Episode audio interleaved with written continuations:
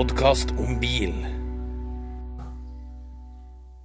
Da ønsker vi velkommen til en ny episode av Lordens garasje. I dag skal vi se på muskelbiler som ikke er amerikansk, og det er basert på en artikkel som heter 20 Muscle Cars Not From America. Veldig enkel tittel å google, og da finner du en sak fra Classic Sportscar som har laga 20 biler.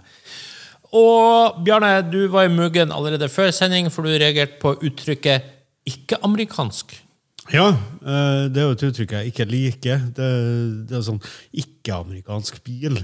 Hva, hva er det for noe? Du sa i stad det var det verste du visste. Ja, det var bortimot. Vi går ut og sier at eh, nei, ikke engelsk bil, ikke italiensk bil. Hvorfor har det uttrykket dukka opp?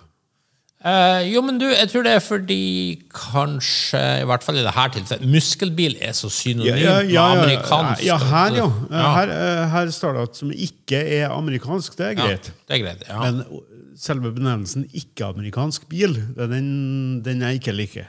Nei. For da kan jeg gå rundt og si ja, ikke-engelske biler. Hva er det Hva, hva, hva, hva er det? Nei, men Alt det andre? Er ikke det eh, eh, altså, Prinsipielt, ja, hvis vi snakker sånn kjøretøyhobby, så Men det er lett å kaste de amerikanske muskelbilene i en sånn Ja, muskelbiler. Ja. For, for um, med all respekt, eh, altså sånn definisjonen muskelbil oppstår jo gjerne som en slags form for superbil i, i USA på 60-tallet. og så eh, vil jo alle sånne geeker som jeg alltid mener at eh, det har vært muskelbiler før den tid òg. Og så tror jeg jo det at uh, det vi skal snakke om i dag, kommer jo til å utfordre uh, hva tenker vi egentlig i en muskelbil, og finnes det en, finnes det en fast definisjon som gjør til det at du tar feil og jeg har rett? Ja. Ja, men jeg, jeg, vil jo tro, jeg vil jo påstå at Eller du, Bjarne, tar feil og jeg har rett? Det kan jo hende. Eh, det jeg tror er at muskelbil det er et begrep som har dukka opp lenge etter at de, altså muskelbilperioden var over. Altså det, det er et nytt, moderne uttrykk for å sette et begrep på Nei, hele- Nei, nei, nei. nei, nei, det nei. brukt Da- da på 60-tallet, når Det de ble- kom. det- 1-0. mener jeg. Ja, ja. Altså, det, var, det var jo enkle biler som man tok fra samlebåndet, Ja, ja, og så fant man på ideen bare hiv en gigantisk motor i de. Ja, ja, Ble de eh, annonsert som muscle cars? Yes, for det var jo hele poenget at altså, det var jo okay, okay, gjerne ok, store biler sånn arealmessig, men ikke sant, med mektige, store Ja, ja. Som gikk de jo som bare pokker rett fram. Ja, så de kunne altså for meg- knuse eh, det meste i, i lyskryssdueller, eller så å si alt. For meg er jo muskelbil amerikansk, og ferdig med det.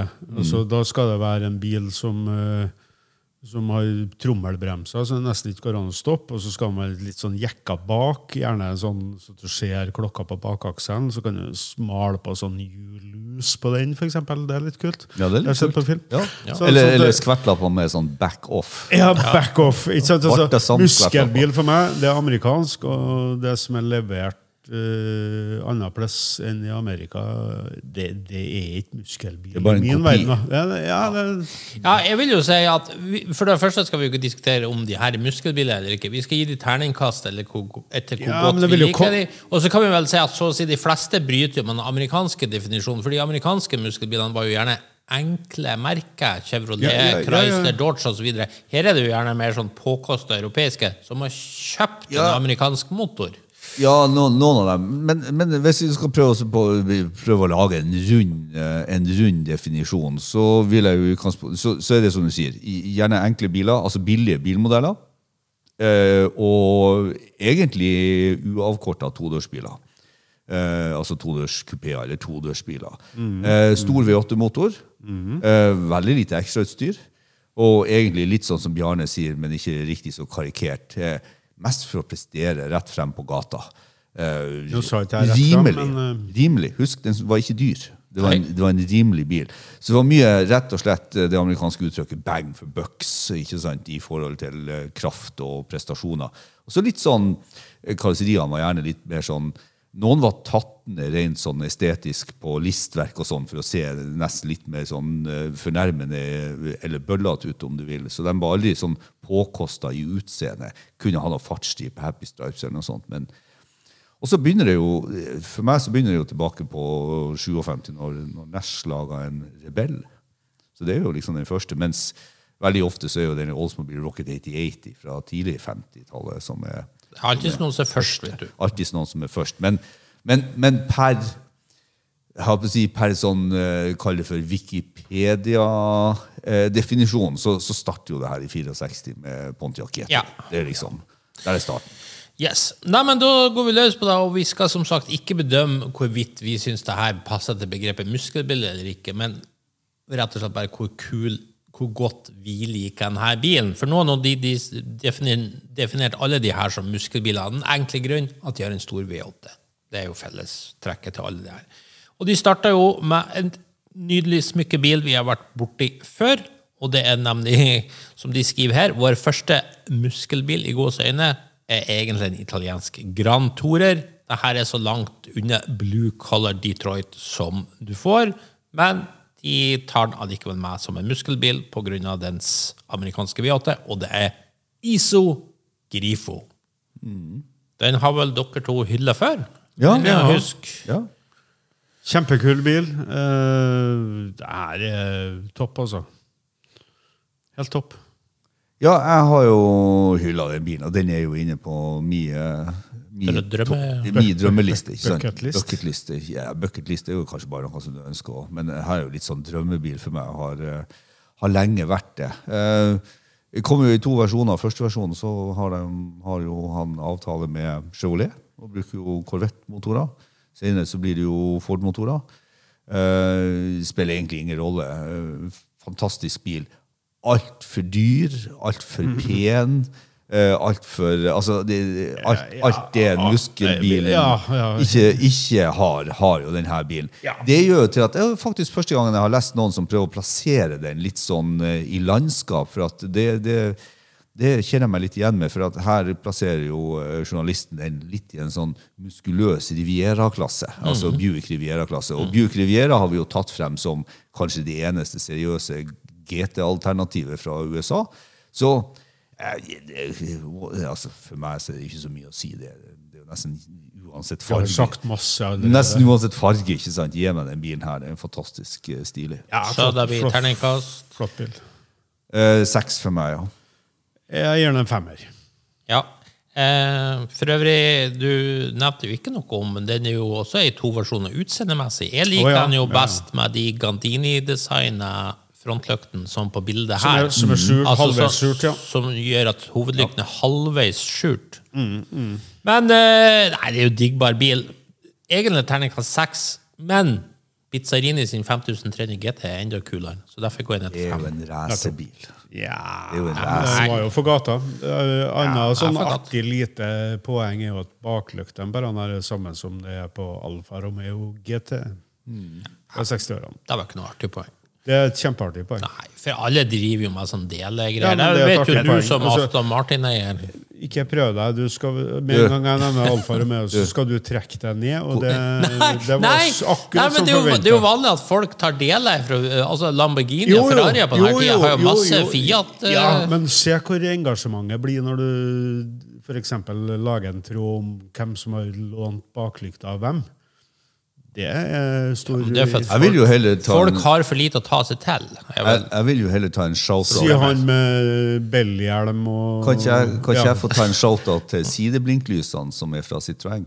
Ja, for eksempel. Det er litt Det er Så jeg tror ikke vi får noen lang diskusjon Nei. om hvor løkten kommer ifra. Nei, han, han bortpå hjørnet her, han korta jo av den med en gang. Han styrer som en diktator. Det neste er Opel. Og det som det står her, de er ofte litt oversett merke, men de har vært flinke og stadig laga noen av de kuleste tyske bilene. Og kanskje den mest amerikanskinspirerte av de alle var Opel Diplomat Coupé fra 1965 med Chevrolet sin 327-motor. Eh, tøft det her, da. Altså, hva skal jeg si? Altså, eh, det første som slår meg, er jo ikke muskelbil. Og det er antageligvis fordi det er for lite effekt i den motoren her til å være muskelbil. De har vel en sånn 220-40 hester, kanskje. Så det er ikke nok til å bli muskelbil, da, i min verden.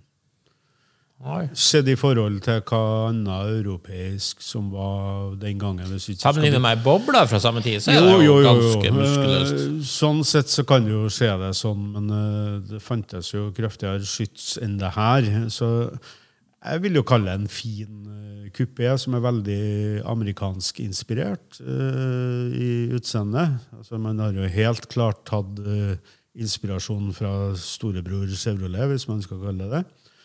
Og ja eh, Ikke muskelbil, nei, men uh, kul bil, da. Ja, så er det jo litt tøft at de her har en ekstra bra 327-motor. For at eh, Ja, ja, sånn... de fikk jo først overlevert, eh, ifølge Bob Lutz i intervju for noen år siden, Mm, så fikk de jo først, så sender jo Chevrolet vanlige 327-motorer til Opel. Ja, de, kjørte de, de kjørte de på testbenken. Eh, 200 var vel poenget, at det skulle være 200 km i timen. Ja, ja. I mange timer i strekk. Da tålte jo ikke motorene. Så da fikk de en forsterka motor fra Chevrolet. Den tålte heller ikke det. Så, altså, den hadde diverse korvettedeler. Så fikk de en ren korvettemotor. Den tålte heller ikke det. Mange timer før den gikk i stykker.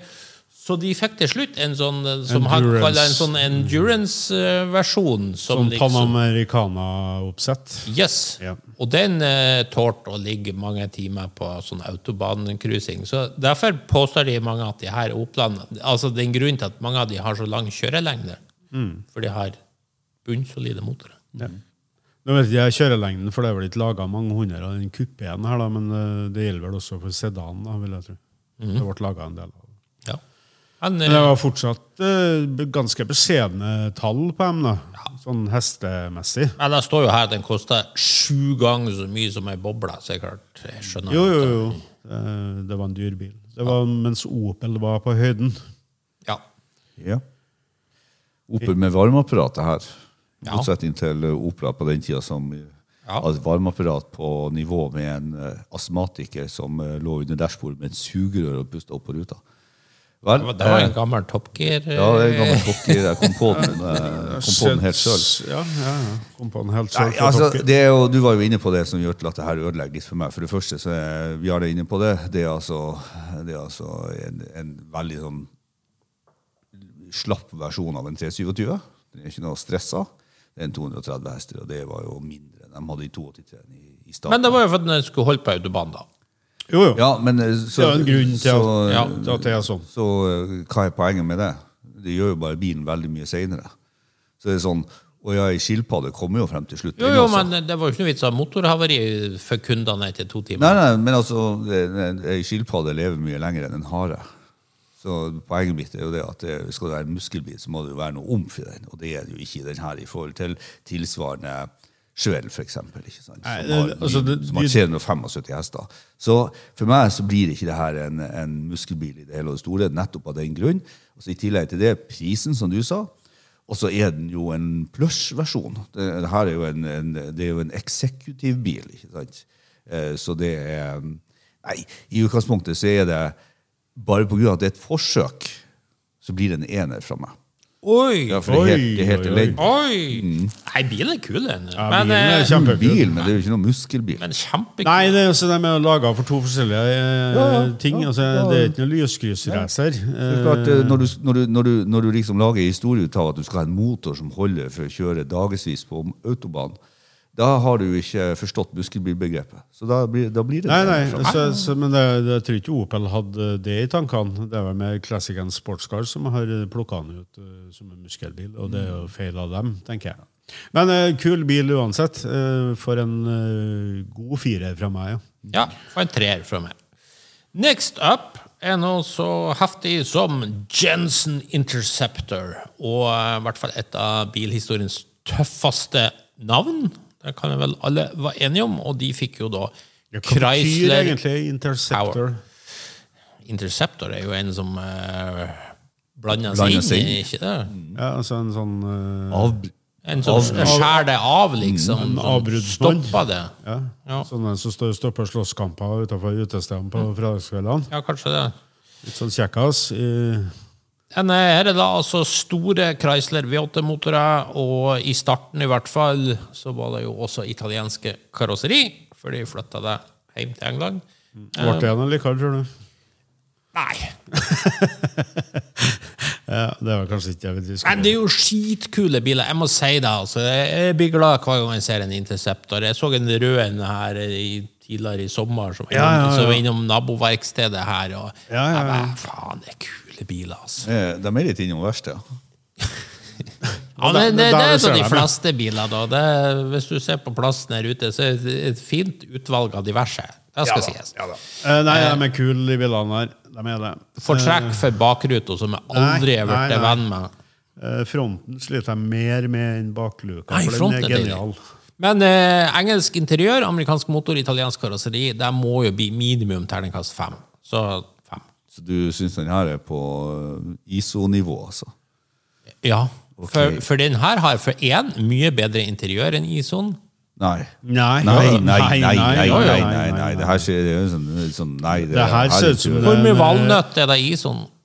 Ja, er det, er det målestokken? For eksempel. Ja, Ja, ja. Ja, ok. Ja, men da kan du kjøpe deg en ISO og så la et tre gro opp gjennom dørken. Nei, jeg tenker, jeg Det Interiøret på en ISO Grifo er jo så mye tøffere Fantastisk enn i en fint. Jensen. Altså, kvalitetsfølelsen på interiøret i Jensen er ikke til stede i min verden. Ikke til stede. Det ser ut som en Har du eh, sånn pint-elskende, halvfull engelskmann som Det har sydd alt for eh, mye. Og, kunne du, mye- tro med rødvin, den lille kjøleskapsprodusenten i Ja, Italia har klart rødvin gir deg en litt annen Det gir deg en bedre Vurderingsevne. Ja, ja. Nei, der er jeg faktisk helt uenig med deg. Men ok. Nå er jeg ikke så, Nei, men, eh, jeg er ikke så inne skal- på å bygge biler i fylla, men det kan jeg i hvert fall si. Jeg har jo sittet i begge bilene. Det er jo ikke i nærheten av så fint interiør. Og heller ikke kvalitet, opplevd kvalitet er heller ikke så fint i Jensen. Så synes jeg Fronten som du hyller, den ser jo bare ut som en sånn eh, brasiliansk SP2-front. ja, der er vi enige. Ja, den er jo Men kjempekul. bak, Nei, nei, nei. bakdelen som er kul på den. Ja, ja, altså, er det- bakdelen setter den jo av, og så har den eh, litt sånn hipsterforma. Altså, den har noen hofter som går opp. Der, Fronten hoften er er jo, kul. Ligner fronten på Bristol, sikkert. Superenkel. Men eh, nei, det er jo ikke i nærheten av ISO-nivå for meg. Men, men en muskelbil, eh, ja. Jeg liker bilen kjempegodt, men jeg, jeg har forbeholdt meg retten å vurdere det som muskelbil. Så for meg så blir det en sånn midt på, midt på treet treer. Ja. Pluss at det er jo alltid kulere med Chrysler V8 enn Chevrolet V8, så det er jo også et pluss. Det, her prøves det å Fikk ingen, fikk ingen motkommentar. Nei, jeg fikk ingen respons. Ingen motkommentar. Overskjønt jeg hadde rett. Ja, ja, altså, helt klart. Jeg digger jo Hemi. Ja, ja, ja. ja, ja, ja. Jeg hadde jo dessverre ikke Hemi, så det er jo Det er jo Ja, nei, da er det bare dritt. ja. Det var dit jeg skulle ha det. ja, da er jo så å si ingen av de her en gang, nei. nei, da ble det en klink ener. Nei da, eh, den skal få en fire fra meg. Jeg syns de er kule. Ja. Uh, artig bil. Ok, da går vi videre. Og det er da Aston Martin DBS V8. Det er den som da kom i 1969. Den kom jo egentlig først som DBS med rekke sekser. Og så hev de da inn en eh, V8 i bilen i 1969. Og så gikk den sånn som det her til 72. Og da ble den bare til Aston Martin V8 og fikk den mye finere fronten med Nei, nei, nei, nei, nei, nei, nei. nei. For det her er jo den stusslige fronten. Det her er her- den fine fronten. Og her skjønner jeg her er, Nå er det jo i motorisert svingdør. Så du hadde det vært en Aston Martin V8 på sent 70-tall, Ja. så er jeg oppe og lukta på sekser. Det er ingen stygg bil, det Men, heller. og men så- eh, her, her trekker jeg i hvert fall en terningkast med én gang for den eh, kjipe fronten. Og så to Jeg ville heller hatt en uh, rekkesekseren som James Bond kjørte i Honor Majesty's Secret Service. Når vi, når vi snakker om front eh, på Aston Martin DBS og V8 opp til 72, har dere lagt merke til at de første årene så har den, apropos Bjarne Reistad, så har den altså eh, blink- og parklys fra Cortina. Ja, Takk men, for opplysninga. Mm. Det visste ikke jeg. Jeg gjør ikke. Men den har det. Ja, ja. ja, men det er jo ikke noen sensasjon. Og Altså, en Aston Martin har jo alltid brukt diverse Annen sånne morsom ting da, at en DB6 har jo brytere fra Bedford. Mm. Men det er ingen som ser ut til å bry seg om det, all den tid de skal klage på brytere på DB7 og sånn. Og så har du det sagnomsuste alle som har brytere fra Cadillac. Eller var det omvendt? Ja, men nå må dere kjøre rote dere bort Ja, i brytere. Ja, nei, sport. eh, DBS og V8 spesielt. eh, Og jeg er jo ikke uenig med deg at den er fin, den med singellykt òg, men jeg liker jo den her 70, Ja, ja. 70 72 når den har alufelgene og, og, og sånt, så syns jeg den er mye tøffere. Og en, en bil som har vokst på meg noe voldsomt. Jeg har en sånn issue med den som jeg har med veldig mange engelske biler, for dem som har hørt på den. Den er fremdeles ikke lav i gulvet. det er litt sånn rart det der at de lager sånn 50-tallskonstruksjon fremdeles. Så det, jeg syns det synes det er litt sånn fra dørstokken og rett inn på gulvet. Det går, ikke noe, går ikke noe godt ned til meg, eller så sitter du for høyt i den, eller hva det er. Det er sånn Engelskmenn klarer ikke å fikse det der for meg. Men bortsett fra det, så er jo det her en, eh, det er jo en bil som både i eh, Altså, han er for dyr, så det trekker ned. Men bortsett fra det så har han både karosseri, todørs, uh, muskuløs eh, V8 osv. Litt lite effekt hjem. Ja Jo da, men det, det var Pluss ingen at uh, jeg kan jo bevise hvorfor jeg har rett om utseendet og dere tar feil. For skrått bakfra Ja. så ser jo denne bilen aldeles nydelig ut. Og når de da gjorde en facelift på 972, så gjorde de ingenting med det, for det ser helt perfekt ut. Men de tok derimot og bytte ut fronten, for de så òg Den ser veldig gammeldags ut. Den Ja, kunne det vært det laget-. Det kunne vært laga ti år før. Men du, unge mann, når du Hei. sier facelift Du snakker ikke om bakhodet? og Du kan ikke få asslift, det er facelift. Ja, men De bruker ofte å gjøre endringer visuelt rundt omkring. Men de det, det, det, på den tida så var det, van, fronten, på det ja. vanligste å ta de skrudde delene. Husk, bakdelen som er pressa og sveisa sammen, var mye mer komplisert og kost, kostnadsdrivende å gjøre noe med. Så det å ta de skjermene og panseret og, å gjøre noe med, det var mye billigere enn å løfte Ja, men du vet jo også fra amerikansk bilindustri at når man først gjør facelift på fronten, så gjør man gjerne også noe med baklys og diverse endringer. Jo, jo, jo, men for meg som kommer i AMC-verden, så, så gikk jo jeepen egentlig med samme utseende. Den bare skrudde deler utpå, ikke sant, helt frem til 91 fra Hvis du tar 66. Pontiac Firebird, Chevrolet Corvette osv., så, videre, så ja. Facelift, asslift Nei. Men uh, ok, jeg, jeg skal kaste terning på den bilen her, og for meg så er det ikke helt oppe i isogrifoland, men det er nesten der, så det er en femmer fra meg. Ja. Dere har klart å prate ned for min del, så treer fra meg. Bra jobba, Ove. Eh, femmer.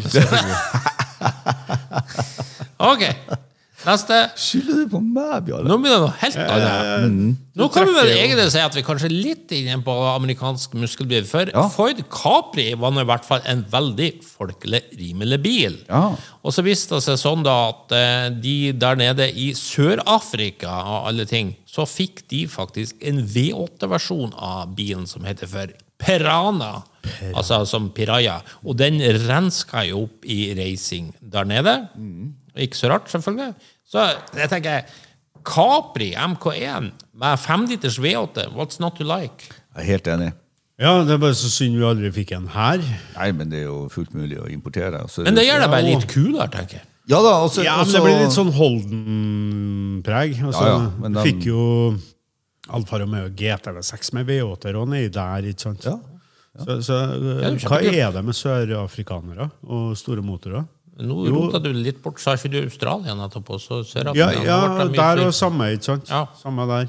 Men hva er det med sørafrikanere og De liker sikkert store motorer. Like store motorer. Ja. Ja, ja det må jo Så, gjøre det. og så var det jo høyrestyrt på den tida der nede òg, det er vel fremdeles, faktisk. Ja, ja, ja. Så, eh, så de tok jo Nei, det er jo, innledninga di er jo glimrende. For at her snakker vi jo Det var jo også tenkt som en, en europeisk Mustang, der man egentlig tar eskorten og lager en sporty, billig eh, Men den hadde jo alltid litt sånn, som du bruker å si, vimpy motorer her Ja, i Europa. Vimpy-motorer. Ja. Så, Så, men eh, men her blir den jo gjort alvor av, med Ja. en eh, 302 Ford-motor. jeg tenker det her er sikkert kjempeartig å kjøre. Ja, det tror jeg òg. Det er jo noen nordmenn som har fått eh, papirer fra oss eh, på å bygge om MK1 Capria etter Pirana-modell. ikke sant? Så det, det finnes jo Tirana, faktisk. Pirana, unnskyld. Så nei, øh, kjempe. Eh, og så er det jo sånn ja, designmessig sett sånn, eh, så som så. Han er jo ikke akkurat bøllete i utseendet, denne eh, versjonen. Men, uh, Nei, men det gjør det kanskje litt kulere at det er litt sånn sleeper uh, Ja, for muskelbiler altså de, Ikke sånn ponycars, men de, de muskelbilene er jo gjerne litt sånn sleepercars, mange av de. Ja, men det her er du, du, Dere sa det egentlig begge to. Det her er litt mer ponycar enn Ja, det er det. muskelcar Det her er en ponycar. Ja, absolutt. absolutt. Så, uh, så det blir en firer fra meg, men, men hvis vi skulle gå på likes, så er det seks likes. Ja. Ja, men det er en firer fra meg som muskelbil. Mm, jeg gir den fire sjøl. Ja. Nei, kul bil. Kul bil. Eh, men ja, nei, vanskelig. Tre, da. Og vi er der, midt på treet. Ja. Betyr Oi, her kom det noe rart nå. Mercedes-Benz 450 SEL 6,9 av veldig mange. Eh, Xa ut med en gang, men det er jo fire dører og en luksussedan. Eh, Ja, men eh, den ble i hvert fall, som det står her, eh, ofte regnet som the best car in the world. Veldig mange bilblad på 70-tallet mente at dette var verdens beste bil du kunne kjøpe. Og det var det.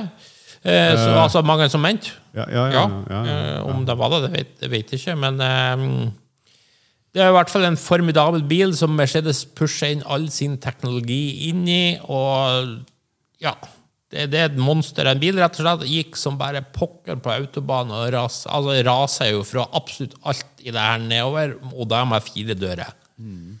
Så, eh, men jeg tenker det er en sånn enten-eller-bil, det her, vil jeg tippe. Ja, altså, eh, når de putta all sin teknologi inn i den, alt det de hadde, så har jo noen gang eh, hørt folk lure på eh, amerikanerne som ikke får effekt ut av motorene. Eh, Så tenker jeg sånn her, her Du får jo den verstingen her som har 6,9 liters motor med 280 hester eller noe sånt. Da var ikke teknologien kommet langt Men hos. Mercedes. Dette er jo da ærlige, oppgitte europeiske hester. Ikke sant? Ikke sånn, Amerikanerne juksa jo ofte med effektmåling med diverse. Man fjerna jo alt mulig komponenter som kunne Ikke i 72. Det var jo nettopp Nei, da, nei da, da, og nettopp å se på amerikanske effekttall fra etter 72. Ja, da er det jo 335. Det er ikke mye biler med over 280 hester. Det er jo 335 både i Corvette og Det er noen sånn trend Super Super Duty og- og, sånne ja. og Oldsmobiler og sånt. Så, Og det her skulle holde timevis på autobahn, der en Corvette hadde brutt sammen etter to timer. jo, det er jo din påstand. Det der er en sånn uh, forkvakla ting, ikke sant? Ja, Bob Lutz, som jo var høyt oppe må, hos hos han må nå ha en historie å fortelle, han også. Nei, det der er bare, det er bare skitprat. Eh, De motorene, dem, eh, du, du- finner jo ikke en motor som eh, går og mer og lenger enn en sånn V8, bortsett fra en gammel diesel, antagelig. Nei, disse Mercedes-motorene er jo ikke kjent for å være veldig holdbare heller, spør du meg, da. Hvis du ser på SL-ene og SLC-ene, så er det jo ganske mange V8-motorer der, spesielt i første versjonene, som ikke absolutt står til kvalitet 6. Nei, så der er jeg uenig. I tillegg til det, er- her er jo, det her er jo en slags form for eh, Det er jo Blücher, det her, på fire hjul. Så eh, det, er jo en, det, her er jo en, det her er jo en fortjent ener. Oi, oi, oi! Jeg har jo det faktisk kjørt en sånn en. Det har jeg også. En- Eh, ikke en av meg som 60. Men, men eh, ofte, ofte med Mercedes eh, så har den gått stygglangt, og så er det Det er mange av dem som ikke går sånn de skal lenger, tydeligvis, for de går jo ikke i hele tatt. Det er jo, det er jo superkvalitet ifølge lorden her, men det er jo akkurat det det ikke er. vet du. Nei, det er jo altså, jeg hadde en del sånne V8-er Mercedeser i SLC, og noen har vært friske og raske, sånn som de skal være, men noen har vært virkelig daff. ja. Og jeg prøvde den her, og det, jeg vet ikke hva veier eh, monsteret er, men eh, Det er, det er i hvert fall ikke noen muskelbil. det er jo Eh, tysk det- slagskip. Ja, altså, jeg vet ikke hva tallene var den gangen. De er sikkert gode og fine, dem også, men, eh, men eh, muskelbil Nei. Var de er sikkert gode og fine. To. Det var Altså, en, en, jeg, jeg har jo sett en sånn test på den her opp mot en Oldsmobile 98 Regency. Til og med gjennom slalåmløypa så holder jo Olsen følge. Ja, nå tror jeg det er mye tull å prate om her. Ja, det, det, det er noe du ønsker, men Jeg, det er jeg kan kan si to argumenter for den forbien. Én, ja. den berømte filmen 'Rendezvous', som jo er filma gjennom Paris gater, filma tidlig på morgenen. En sånn ordentlig film. Altså Det er ikke en Ja, ja, ja. spillefilm. Den er jo legendarisk. Man skal kjøre som en gærning gjennom byen. Det ble gjort med en sånn 450 SEL 6,9. John Frankenheimer, regissøren av Ronin, tidenes biljakt, stor Mercedes-fan. Han mente at her, her er den perfekte bilen å ha inn i filmen min, og han pakka den inn. Og den, sjøl da, to årtier etter, så holdt den følge med langt nyere performancebiler. Så det her er en fantastisk bil. Pluss den engelske journalisten Seth Wright, som jo var Car sin stjernejournalist, mente at det her var verdens beste bil, sammen med Bristol 412 for en skyting. Eh, Og på- eh, glem ikke Honda med firehjulsstyring. ja, da ble den senere det- Hvor blir det rotstopp i sky. MX5-en? Nei, den var ikke her. Eh, så, men eh, som jeg sa, det, det her ser så bra. Hva det var du ga terningkast, Bjørne? To. Ja. Enten eller bil. Én fra Ove, to fra Bjørne, seks fra meg. Så det var fint. Det, her er, det er drømmebil for meg. Så din egen opplevelse, det har du ikke? Du, jeg har, hatt, eh, jeg har aldri prøvd en 450 SCL. Jeg har prøvd en 280 S. Den bilen var jeg så glad i at jeg til og med kjøpte den tilbake en andre gang. Så nei, I love these cars. Neste Vauxhall Firenza. Ja, vi er bare på ja. nummer sju. Vi må peise på. Vauxhall Firenza Ja, det, Can-Am. du har jo tatt så seine biler. Ja.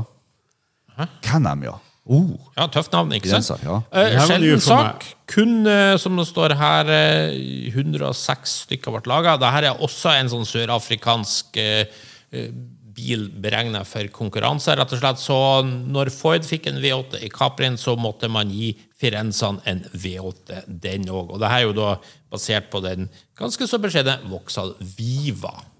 Viva Las Vegas! Er det her bil for deg, Bjørnar? Ja, Uh, Firenza er jo, har jo et kjempetøft karosseri som er mye tøffere enn Manta. Og tøffere enn Capri òg. Tøffere, Tøffere enn Manta A? Ja, og ja, ja. Nei, nei, nei. Er, den- er den basert på Manta A, den her? Nei. Den er Nei, ikke det er Vauxhall Viva. Ja, ja, men det er jo kadett. så det er ikke det kadett eller eh, Kadett, det, vet du. Det, Jo, jo. rekord? Det er bare sarver. Ja, eh, Sarver er enkelt og greit. nei, nei, nei, nei, nei. Drittøft karosseri. Slopey kupé og alt som er, med en V8 her, da. Nei, det her er topp, ja. Ja, ternekast. 1100 kilo, en femmer. Jeg har aldri sett bilen før, men det her du gi er steiketøft. Her, er, her må folk gå inn på YouTube og se når de eh, freser gjennom eh, sørafrikanske skoger i rally. med Det her er jo 302 Chevrolet-motor i. Helt maniac bil. Og Cadam-versjonen ikke sant, på banereising med skjermutbyggere og sånn. Det er bonkes stilig. Um, har litt sånn, eh, har litt sånn har litt sånn følelse ut av uh, Bertone-kupeen når du ser han på racing, for at han har noen stive stabstak, så han driver og løfter hjul hele tida. Ja, ja, ja. Ja, ja. Altså, han er superkul. Eh, kulere, mer muskuløst karosseri enn det Caprien har, så det her blir en femmer fra meg. Ja, nei, men Jeg skulle egentlig til å gi den en toer, men Ove prata den faktisk opp. Så jeg skal få en treer. Prata ikke den ned, heller? Nei, han prata den opp. Nei, 553. Ja. Eh, Så neste er MGB GT V8. Og det er jo så enkelt som at i 1973 så fant man ut at eh, MGB, som jo hadde vært en salgssuksess i mange, mange, mange år, eh, at man rett og slett pakka inn en V8 i den GT-versjonen. Så ja, en 70-talls MGB med V8, er ikke det kult? Jo, jeg, jeg syns det er kult, men jeg har, alltid, jeg har aldri prøvd en sånn. Jeg hadde en, eh, en bekjent som hadde en sånn bil, men jeg fikk aldri prøvd den. Um, for jeg lurer jo litt på Jeg har jo litt sansen for den bilen som en sånn lett og enkel uh, sportsbil. Så lurer jeg på hvor mye, hvor mye mester den med å hive V8 fremme? Hvor tung blir den? Hvor, Du, det er faktisk, hvis jeg husker feil, så er den V8-eren, ironisk nok, 20 kilo lettere Ja, for- En MG sin egen firer, for den er bare en jernklump. Ja, det- Men så her er jo alublokk og alutopper. Ja, det er jo 3,5 liter rovermotoren Yes, som står så i. det er mulig jeg husker feil, altså, men jeg tror faktisk de har en sånn opptil 20 Det var, lettere. var ikke GTC-en og den sekseren? Du får den med sekser òg, du. Ja, det, det, Ja, tror det jeg vet nok, jeg. det tror jeg nok kan være tyngre. Nei, jeg tror faktisk det var fireren. Ok. For den er jo bare en eneste Ja, ja, stor jernklump og en ganske gammel eh, konstruksjon. Ja. Ja, altså det løfter jo en uh, døll eh, MGB opp til et annet nivå, men å kalle det en muskelbil, mm, der sliter jeg. Mm, for muskelbil, eller Ja. mm, for Men, men det, det, det, det er ikke så nøye om at uh, du, Det her er egentlig mer om om du liker bilen. Ikke om du syns benevnelsen muskelbil er riktig. Det er er jo muskelbiler som ikke er fra USA. ikke sant? Så må jo... Ja, men vi, det, vi gir kun terningkast til bilen, hvor godt vi liker den. Nei, jeg har ikke gjort det. Ja, det er kun det jeg har høgd biler for at jeg syns ikke det er muskelbiler. Nettopp. ja. men Det gjør ikke jeg. Og det sa jeg jo i starten òg. Men det er greit. Dere. Sa er vi du så det i langt ute at det går ikke an å endre reglene. Nei, nei, nei. nei, nei. Nei, nei, nei. Nei, det skal få en treer. Ja, ja, ja. Ja. Jeg er, jeg er veldig i tvil, for at jeg syns jo V8 i sånne småbiler er ganske artig i Gremlin. og sånt. Det er jo en pen bil. Jeg liker jo MGB-en. Du får en firer fra meg. Ja, mm, Femmer fra meg. OK, next. Rover ST1. Ja, nå, nå snakka først om Rover-motoren. Eh, Det er jo en ganske så pen bil, og som jo også gjorde Fine baklykter, i hvert fall. kjempestor Ja, suksess det var jo i ikke shout-out til Lotusen din. da. Ja, Men det er kjempefine baklykter. Ja? Hva som er forskjellen på de bakløkene og Mercedes sine bakløkker og Transam sine bakløkker og Plymouth sine Alle er jo deilige. Alle har jo sånne Ja, bakløkker. de er deilige. Toyota. Ja, Nydelig. Ja, ok. Ja, men bare så vi er klar så, Ja. så lytterne forstår at alle sånne baklykter som er brei med sånne striper i, som var typisk på slutten av 70- og begynnelsen av 80-tallet, dem er stilige. Ja, det er det. Ja. Og det syns designet òg er en slags litt Ferrari Daytona-inspirert. Men her i I fronten, ja. firedørs Det er hele Ja, spesielt i fronten, selvfølgelig. Spesielt i Ja, fronten. fronten føler jeg det. Ja. Nei, kul bil, den her, syns jeg. Ja. Ja, det- De er blitt mye kulere. SD1 er jo, det- den var jo, var jo litt sær når den kom. Uh, husker som eh, guttunge på et eller annet tidspunkt så sto det en sånn bil som jeg fikk sett i. Det var enorm plass inni den, uh, syns jeg å huske. Nå er jeg sikkert ikke så stor og vekst da. Um, så vet vi jo det at eh, byggekvaliteten var høyst eh, tvilsom. Og da mener jeg høyst tvilsom, for dette var jo genuint dårlige biler. Men nå som entusiastbil så har den her vokst veldig, og jeg digger den. Men så er det jo en firedørs ganske sånn eh, egentlig ganske sånn slapp sedan. femdørsbil, egentlig. Femdørsbil, faktisk. Ja, det er jo det. Er jo, det, det, er. Eh, så eh, litt for at Men så har den jo den her den har jo den helt fantastiske racinghistorien. For den gikk jo i touringcar-mesterskapet. Ja, og vant bøttevis av løp. Så jeg klarer ikke helt å jeg klarer ikke helt å hogge denne bilen så mye som jeg skulle ha gjort. Så jeg får gi den en firer. Ja, kul, det er tre fra meg. Tre fra meg. Ja. Uh, next up er eh, Mercedes Benz 560 SCC. Det er jo en bil vi har diskutert før, og da var det jo igjen deres Mercedes-hat eh, kom eh, fram. Eh, Men dere Hallo, sabla den her. muskelbil. Blåhvalen.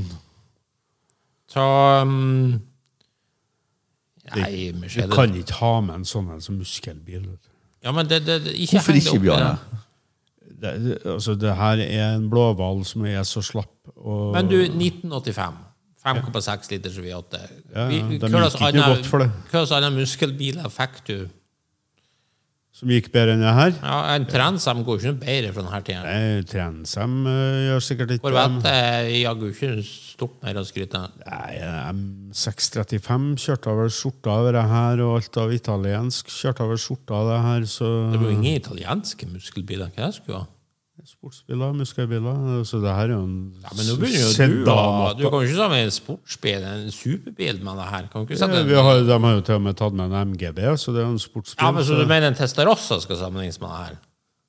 Ja, det er jo du som sier at det ikke var noen biler på 80-tallet som Nei, som var, muskelbilaktig. For du klager på at denne bilen var ikke noen muskelbil. Men igjen, i 1985 I 1985 så vil jeg faktisk påstå at dette er en muskelbil. Veldig muskelbil. Stor, slapp sedanadapsjon. Ja. Men alt var jo slapt da. Altså. Nei, ikke en M635 gikk jo mye bedre enn det her. Hvor, hvor godt gikk en M635, da? Den gikk bedre enn det her. Hvor godt? Nei, jeg har ikke tallene i det går neppe mye bedre godt. Det her er Nei, det er så Pluss lite. at det er jo ikke noe Usch. Er det en muskelbil med seks, eller? Ikke det feil? Det er effekten som avgjør om det er muskelbil eller ikke. Er du ikke enig i OM må være V8. Ja, altså, vi har jo, vi har jo litt sånn sagt eh, at eh, det er litt av greia. Så eh, Ja. Litt av greia, ja. Jeg føler en BMW vi V8 på BMW 635. og 150 hester, da blir det automatisk muskelbil. Nei, men sånn BMW 6-serie, så er det en flott bil, men den en- kun en Grand Tourer. Ikke muskelbil i det hele tatt. men, men nå dro jo han frem en M-versjon. Hvor fort Ja. gikk en 635, da? Ja, Det er jo ikke det vi snakker om. Han spør jo om det fantes noe annet, og det gjør det jo. Nei, det gjør ikke det, for det du drar frem, er jo ikke muskelbil. Det er mer muskelbil enn denne brakka her. si den, det den, vanlige, den vanlige 635 gjorde 0 Ja. til 100 på 8,5 sekunder, og det er halvannet sekund saktere enn denne bilen. Ja, en ja. Eh, M- M-versjonen gjorde det på 6,1-6,2 ifølge opplysninger her, ikke sant? som er 0,5, altså fem tiendeler raskere.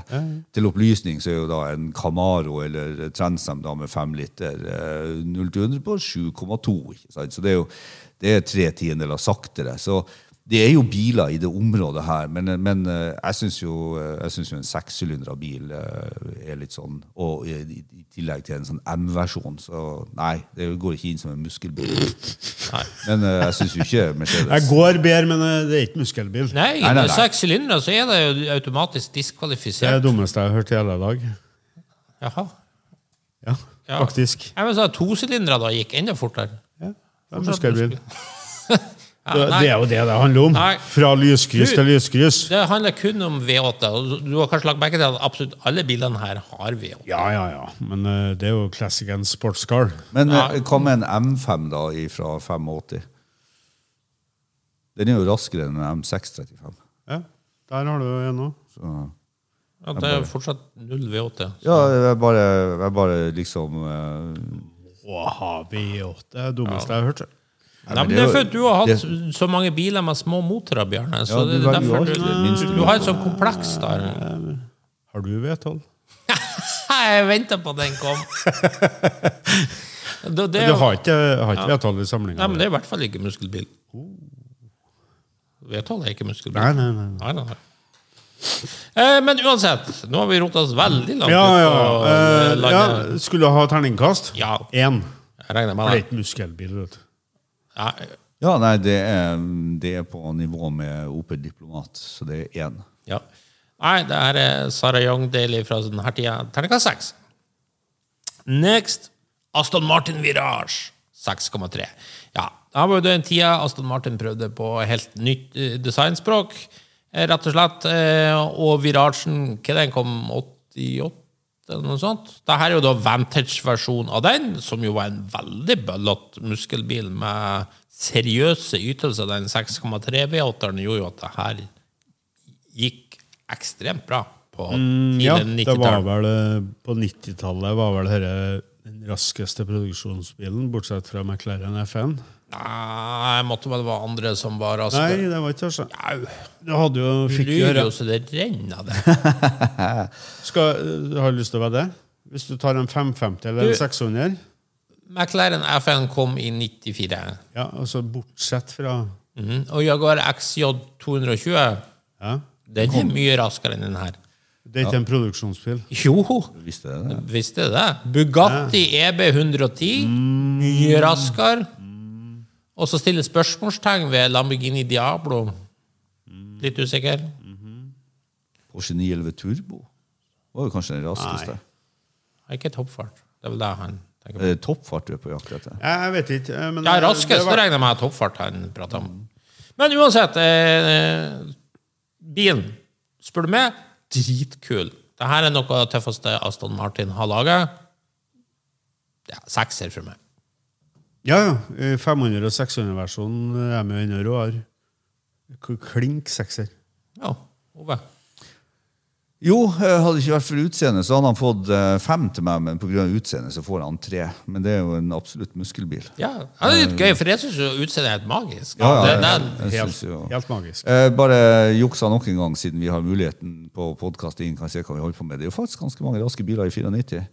Eh, Deriblant Taurus SO, eh, 95 Ford Mustang Cobra R, altså ja, SCT-utgaven. ja, men det er jo ikke noe som kan måle seg i toppfart på den her. ZR1, Toyota Supra, Men ingen så rask som den her. GMC Cyklon, Lamborghini Diablo, Porsche 911 Turbo, Ja, vi går videre.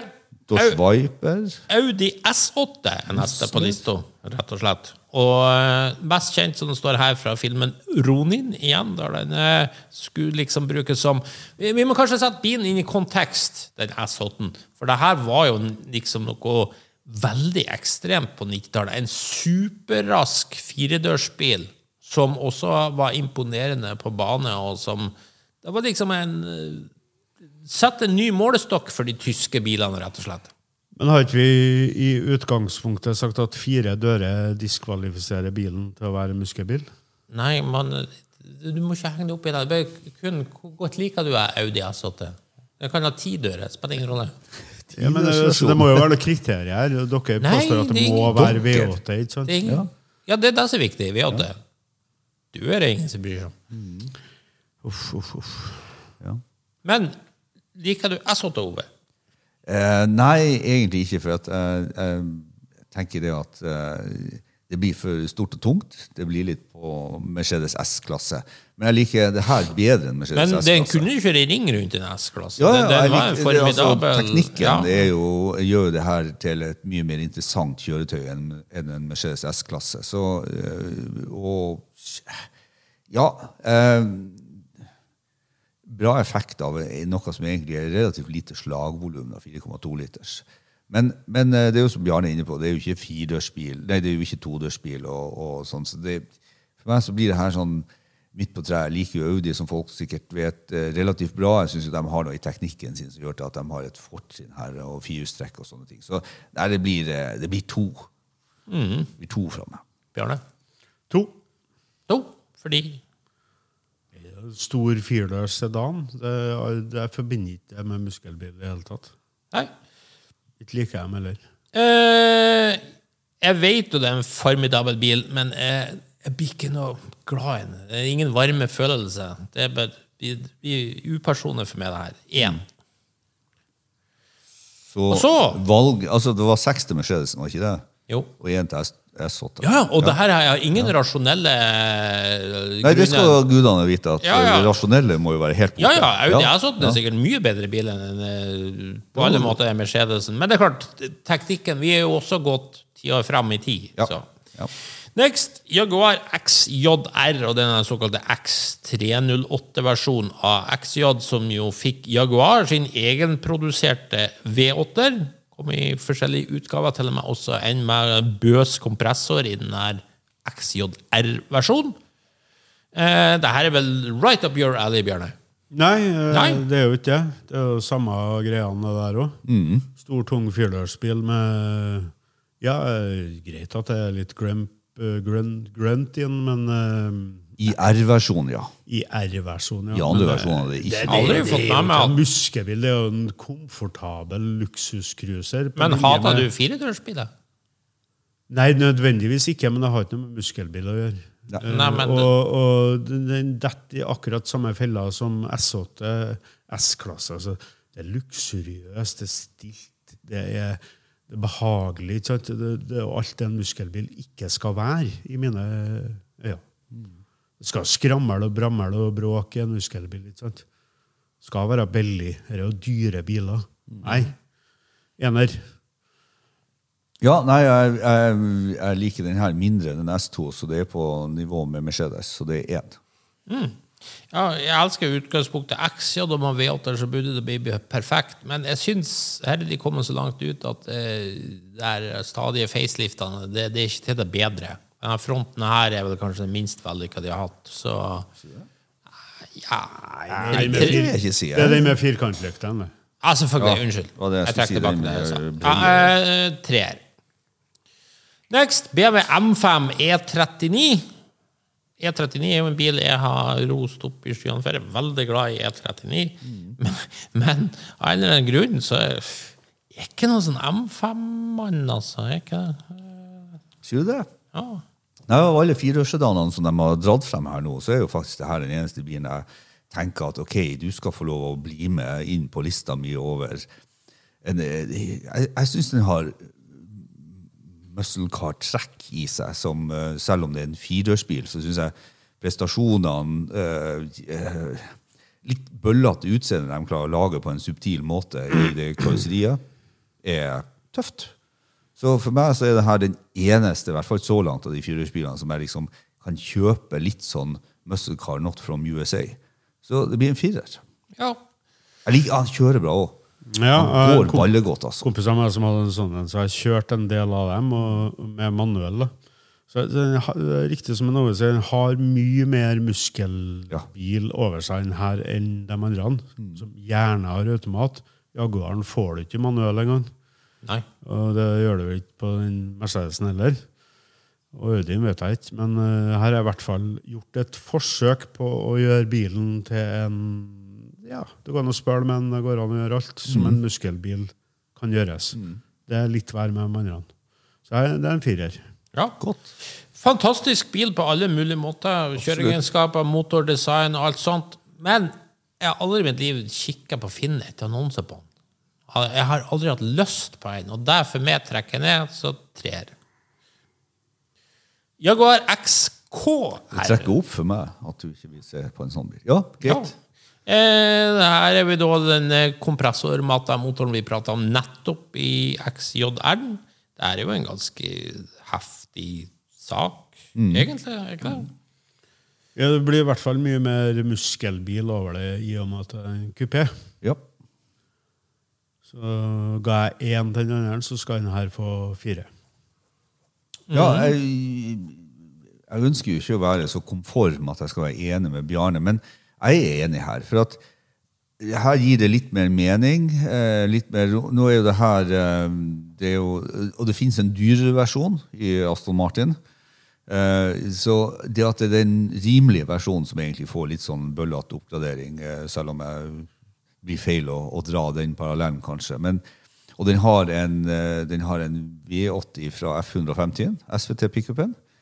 Altså, det her er, ja, det er en sånn Nei, V18 er Jaguar. eh, nei, Det er Jaguar inhouse. Den laga det Jaguar er Det sjøl. den gamle fireliteren som er Er det bare kompressoren som er samme som sto i eh, Ja. F150? Ja. ja. er liten kompressor. Ja. gitt kompressor derfra, ja. ja. Nei, da går vi fra fire til tre. Eh, nei, Cooley, Die Another Day og alt sånt eh, da som åpen, men eh, jeg er ikke så kjempefan av designet. Treer. Holden Monaro. Da skal vi til Down Under. Det er jo, du er jo blitt en sånn Down Under-entusiast, Bjarne, etter å ha vært eh, på hyppige, lange ferier Vært, vært, på, vært, på, vært bussjåfør. Vært på Bondi Beach, ja. Bussjåfør på Bondi Beach. Ditt andre hjem? Ja. Eh, ja, det må ta i.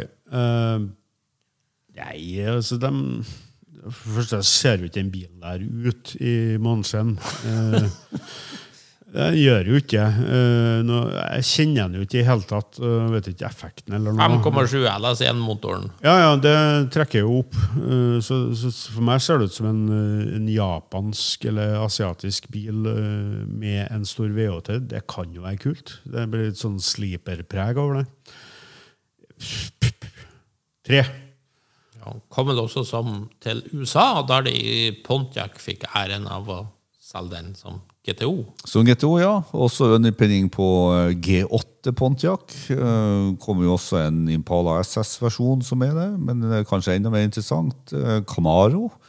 Sant? Eh, Cadillac CTS. Ja. Det her er jo Men, suksessplattform. men Pontiac GTO er jo Holden Monaro. Altså, ja, ja, ja den, den er jo faktisk De første versjonene så er jo ikke Holden-merket tatt bort engang. Det er jo bare lakka svart Ikke? Ja. ja, det er jo helt utrolig. Her snakker vi om eh, så enkel badge. Rebadging. Som Tydelig mulig. at GM begynte å slite økonomisk. Ja, ikke sant? Og. Pontiac forsvant jo som uh, merke to år etterpå. eller noe sånt. Skandale. Ja. Ja. Nei, uh, så uh, Det at det her er jo egentlig stamfaren til ganske mye ut av det som eh, faktisk produseres den dag i dag. Men, men er den en utvikla i Australia? Og, Ja, den er australsk. Ja, det er og- og blitt, blitt plattformer? Ja, Og så fant de ut i USA at det var ja, ja. såpass kult, det her. At Og det, var, og det var såpass bra. ikke sant? Det fungerte såpass bra. Så her har du jo den billige bilen, egentlig Opel, da, ikke sant? som plutselig det her, Man kan jo si at med, med litt sånn ølbriller på, så kan man jo si at det her er evolusjon av eh, Opel Calibra. ikke sant? Så får du den her litt sånn mons, monstriøse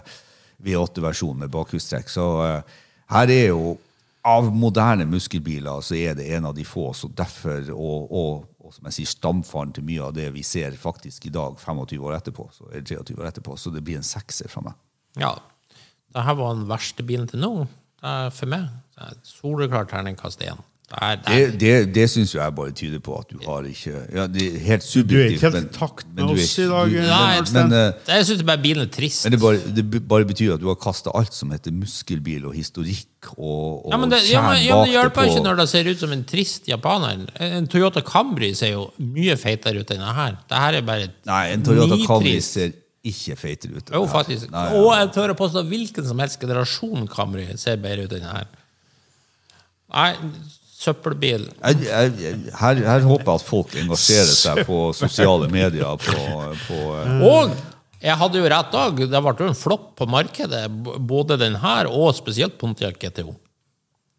Ingen som vil ha det her, og det skjønner jeg jo. Neste Mercedes-Benz CLK DTM AMG.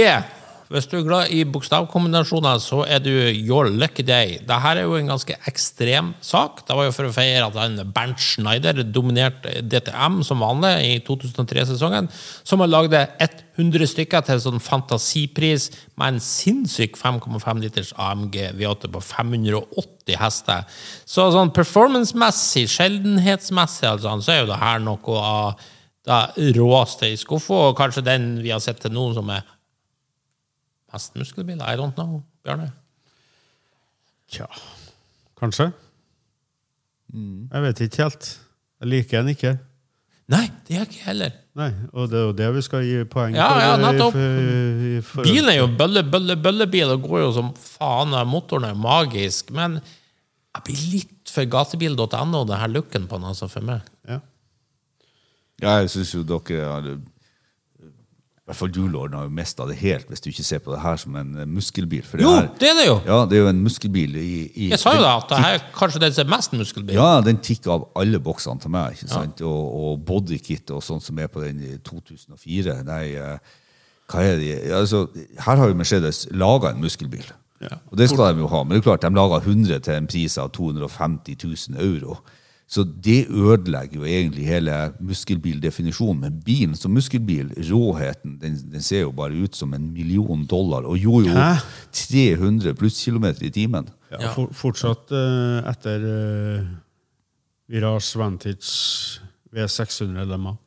Men ser den ikke veldig harry ut? Eller er det bare Jo, den ser Nei, den ser helt rett ut i forhold til 2004. Den ser, ser helt kjempeharry ut, ja, sa du, Bjørne. Mest harry jeg har sett i dag.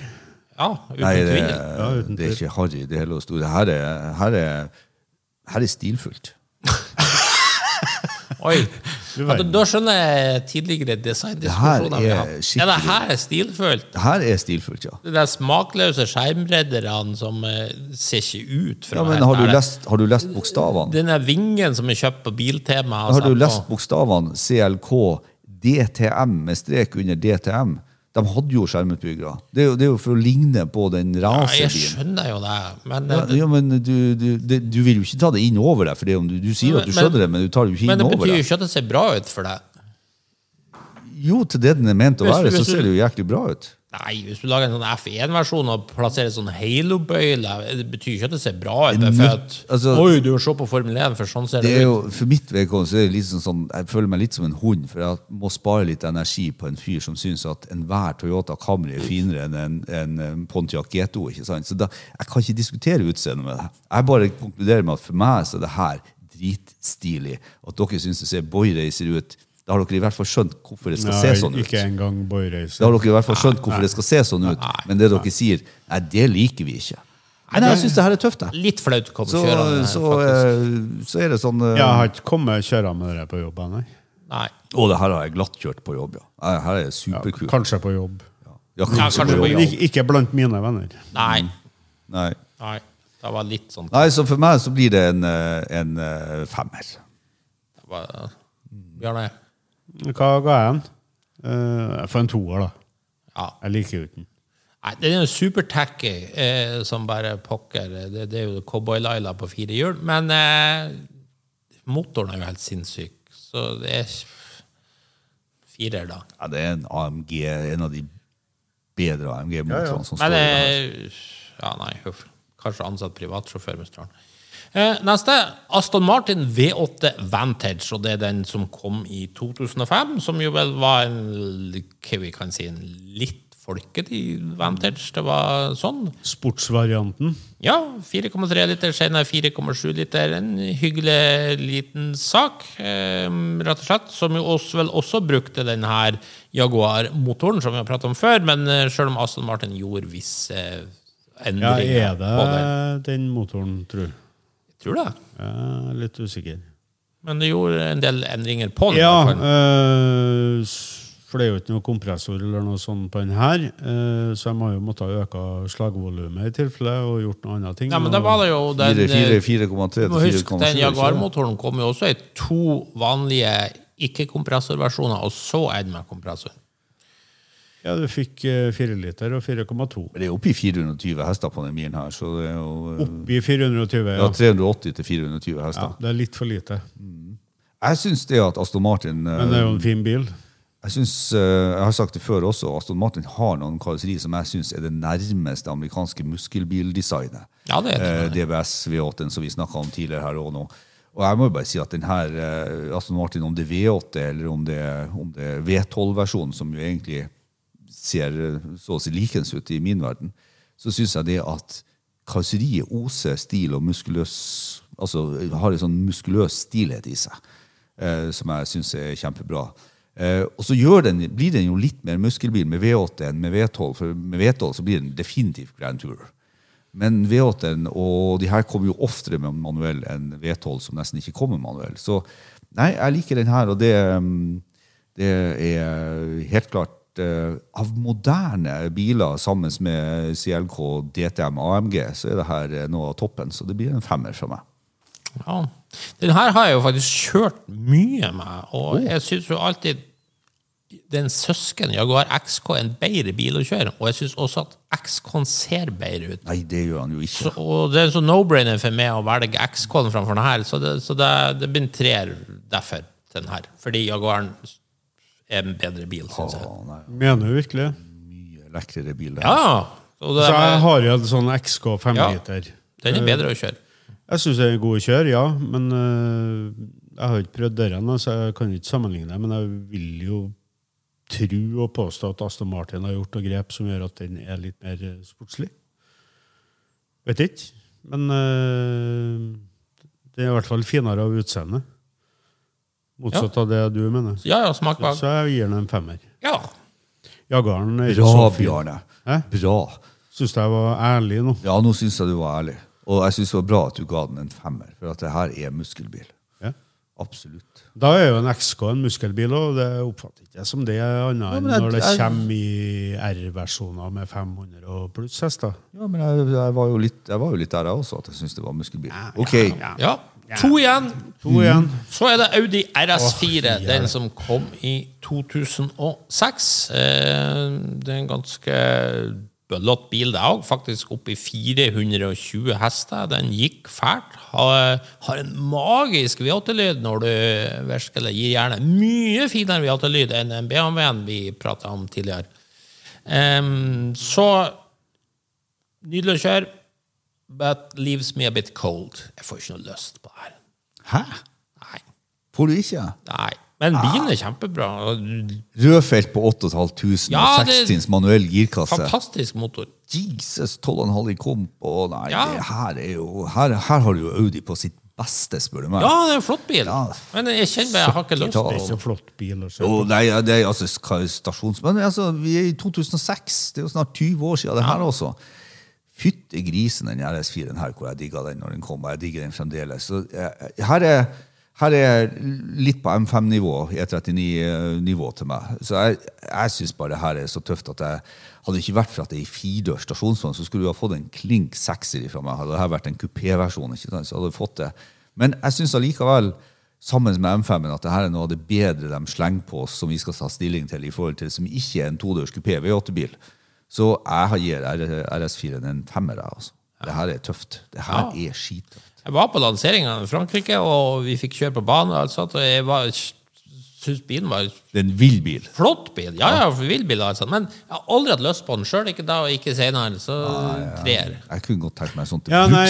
Altså. det er sikkert uh, Alt er sikkert på plass når det gjelder performance, men eh, jeg- ærlig talt, jeg har aldri skjønt det stasjonsvogn, store motorgreiene.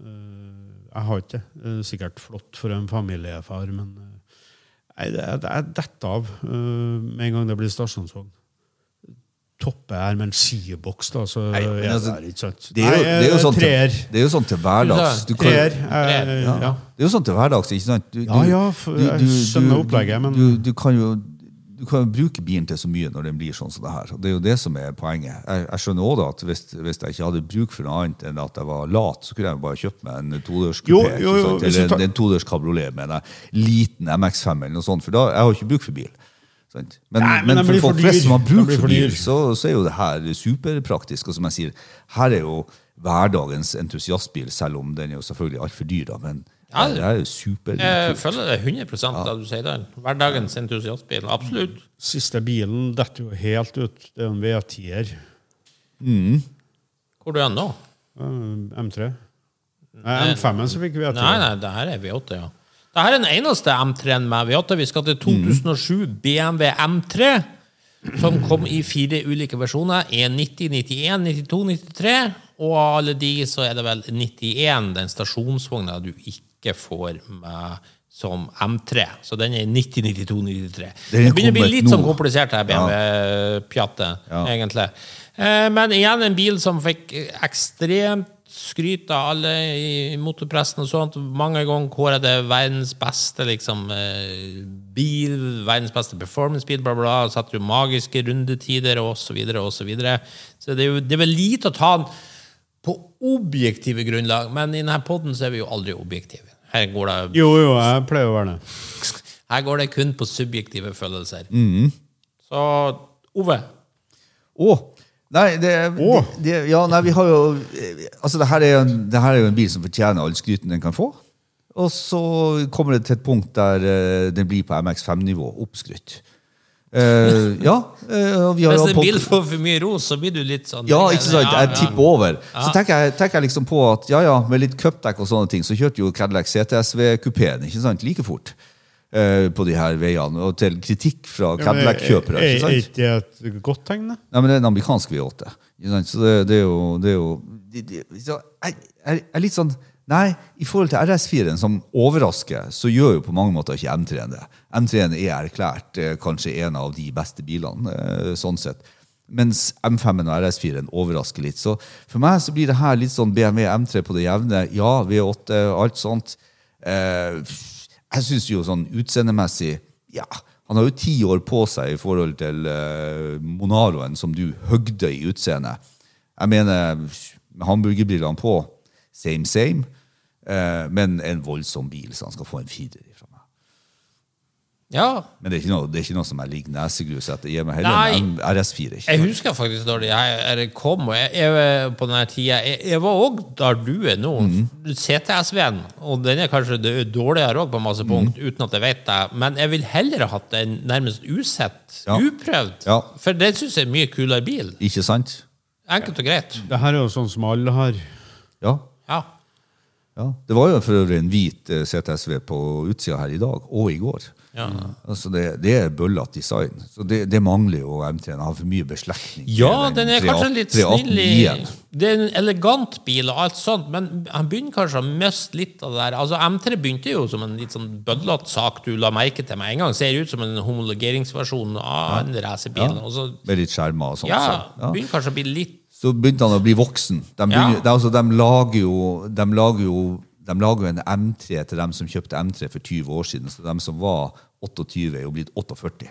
Så de skal ikke ha det så utseendemessig. Sånn som typisk dere som ikke likte CLK, DTM, AMG, ikke sant? for dere syns det var flaut. Jeg syns jo det er tøft, jeg. Og så syns jeg det er motsatt av tøft når bilprodusenten tenker at nei, vi må fortsette å lage. Akkurat som Toyota Supra inntil et visst punkt, så laga de den jo bare for dem som kjøpte Supra første gang. Sånn, så de utvikla den bare til mer og mer en sånn plush eh, GT-bil istedenfor noe lett og enkelt. Nei, eh, jeg har sagt mitt om den bilen her, så det er kjempebil, men ikke, not my cup of tea, som det heter i, eh, i Australia. Nei. Nei, jeg ville mye heller hatt en E39 med V8. Ja. Så det blir, det blir en terningkast tre fra meg der. Nei da. eh, Du kan jo ikke ta bilen på noen ting, som vi sier, men eh, den har jo vokst seg stor. Og så er jo introduksjonen av eh, M2 rundt hjørnet, som da egentlig var det M3 i utgangspunktet var. Liten, lett bil. Så det, det er en kulere bil. Um, Det var også 1M. 1M, og eh, det er jo en eh, undervurdert sak som folk uh, Den er jo egentlig ikke undervurdert. Se på bruktprisene. Nei da, eh, men, men det er klart, folk snakker ikke så høyt om den. Eh, Den er litt glemt i M-segmentet. Men eh, nei, jeg kan ikke slakte den helt heller, for nei, firer. Ja. Den har jo et sånt litt sånn subtilt designtrekk som det er den der bølben på panseret. Ja. Når V8-en kom, så fikk den en sånn eh, klump på panseret. Det, det er jo det eneste som gjør at den ser litt bøs ut. Ellers så ser den altfor snill ut. ja. Eh, spørsmål Sliper, for å oppsummere. Var det noe som helst bil der alle ga som toppkarakter? Jeg ramla litt ut Nei, du vil jo ikke gi, du vil jo ikke gi ISO en uh, toppkarakter, ikke sant? Du ga han jo fem. Ja, ja, men det var Det er jo topp. Det er jo ikke topp. Jo, men, jo, men det er jo uansett nærmest, for du ga han seks, og du ga han Seks. Nei, fem. Å, selvfølgelig. Ja, så, sitter du og hogger med i stein, og så ga eh, Bjarne også den femmer. Men, men du vil Men jo heller ikke gi DBS V8 Men det blir jo en, da eh, Meg i stein, faktisk. Ja, i stein. I 10 pluss 6, det blir da 16. Virasen, hvordan kom den ut den, da? det er litt Ja, det- det- ut, ut, jeg, jeg, jeg trakk den ned pga. utseendet. Ja. Det, Men- går, det, går, det går jo ikke an. Jo, jeg tror nok Grifoen var den som kom høyest av oss sammenlagt. Jeg tror ikke DBS V8 kom så dårlig ut heller. Jo. Jo, for det, da ga, Det likte var han jeg nede på Du snakka jo ned til en treer til meg. Men Ja, ja. nå, siste spørsmål før vi avslutter. Dere får en av de bilene til odel og eie. Ikke for videre salg. Hva tar dere? Altså én stykk? Veldig frista til å si Iso Grifo, ja, med virasjen som en god nummer to. Ja. Ove? Du er kanskje Jeg tipper du er Grifo, Grifo, Grifo. Jo, men nå kan jeg jo, over, nå kan jeg jo ta en sånn twist på det. for vi bruker jo alltid ja. Vet du at eh, Vauxhall Firenze og Canham er så sjelden. Det er vel bare Jeg vet ikke om det er Var det 60 biler eller noe sånt? Altså det, det er så lite. Eh, en Iso Grifo, det, skal, eh, det har jo masse folk tatt vare på, så det kan jeg jo kjøpe meg en gang. Så Det er jo Iso Grifoen, selvfølgelig, men jeg må jo gjøre en shoutout til den uh, Firenze Canhamen, for den er spinnvill. Altså. En utstrakt hånd til GM-folket. Så kan dere jo gjette hva tar jeg. Jeg tar da en gammel Mercedes. Da var det fire fire tenker jeg. Det var det som var den du prata varmest for. 72 450 SL 6,9.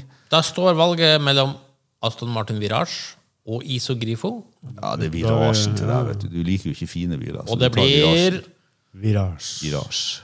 Grifo Nei! med, med 454.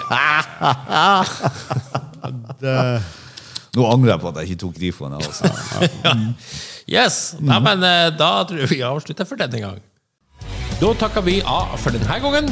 Hvis du likte det du hørte på, gjerne gi oss en eh, femstjerner på iTunes. Ellers følg med på Refuel for masse spennende bilstoff. Og husk at du kan nå oss på Facebook-sidene både til Lordens Garasje og Refuel.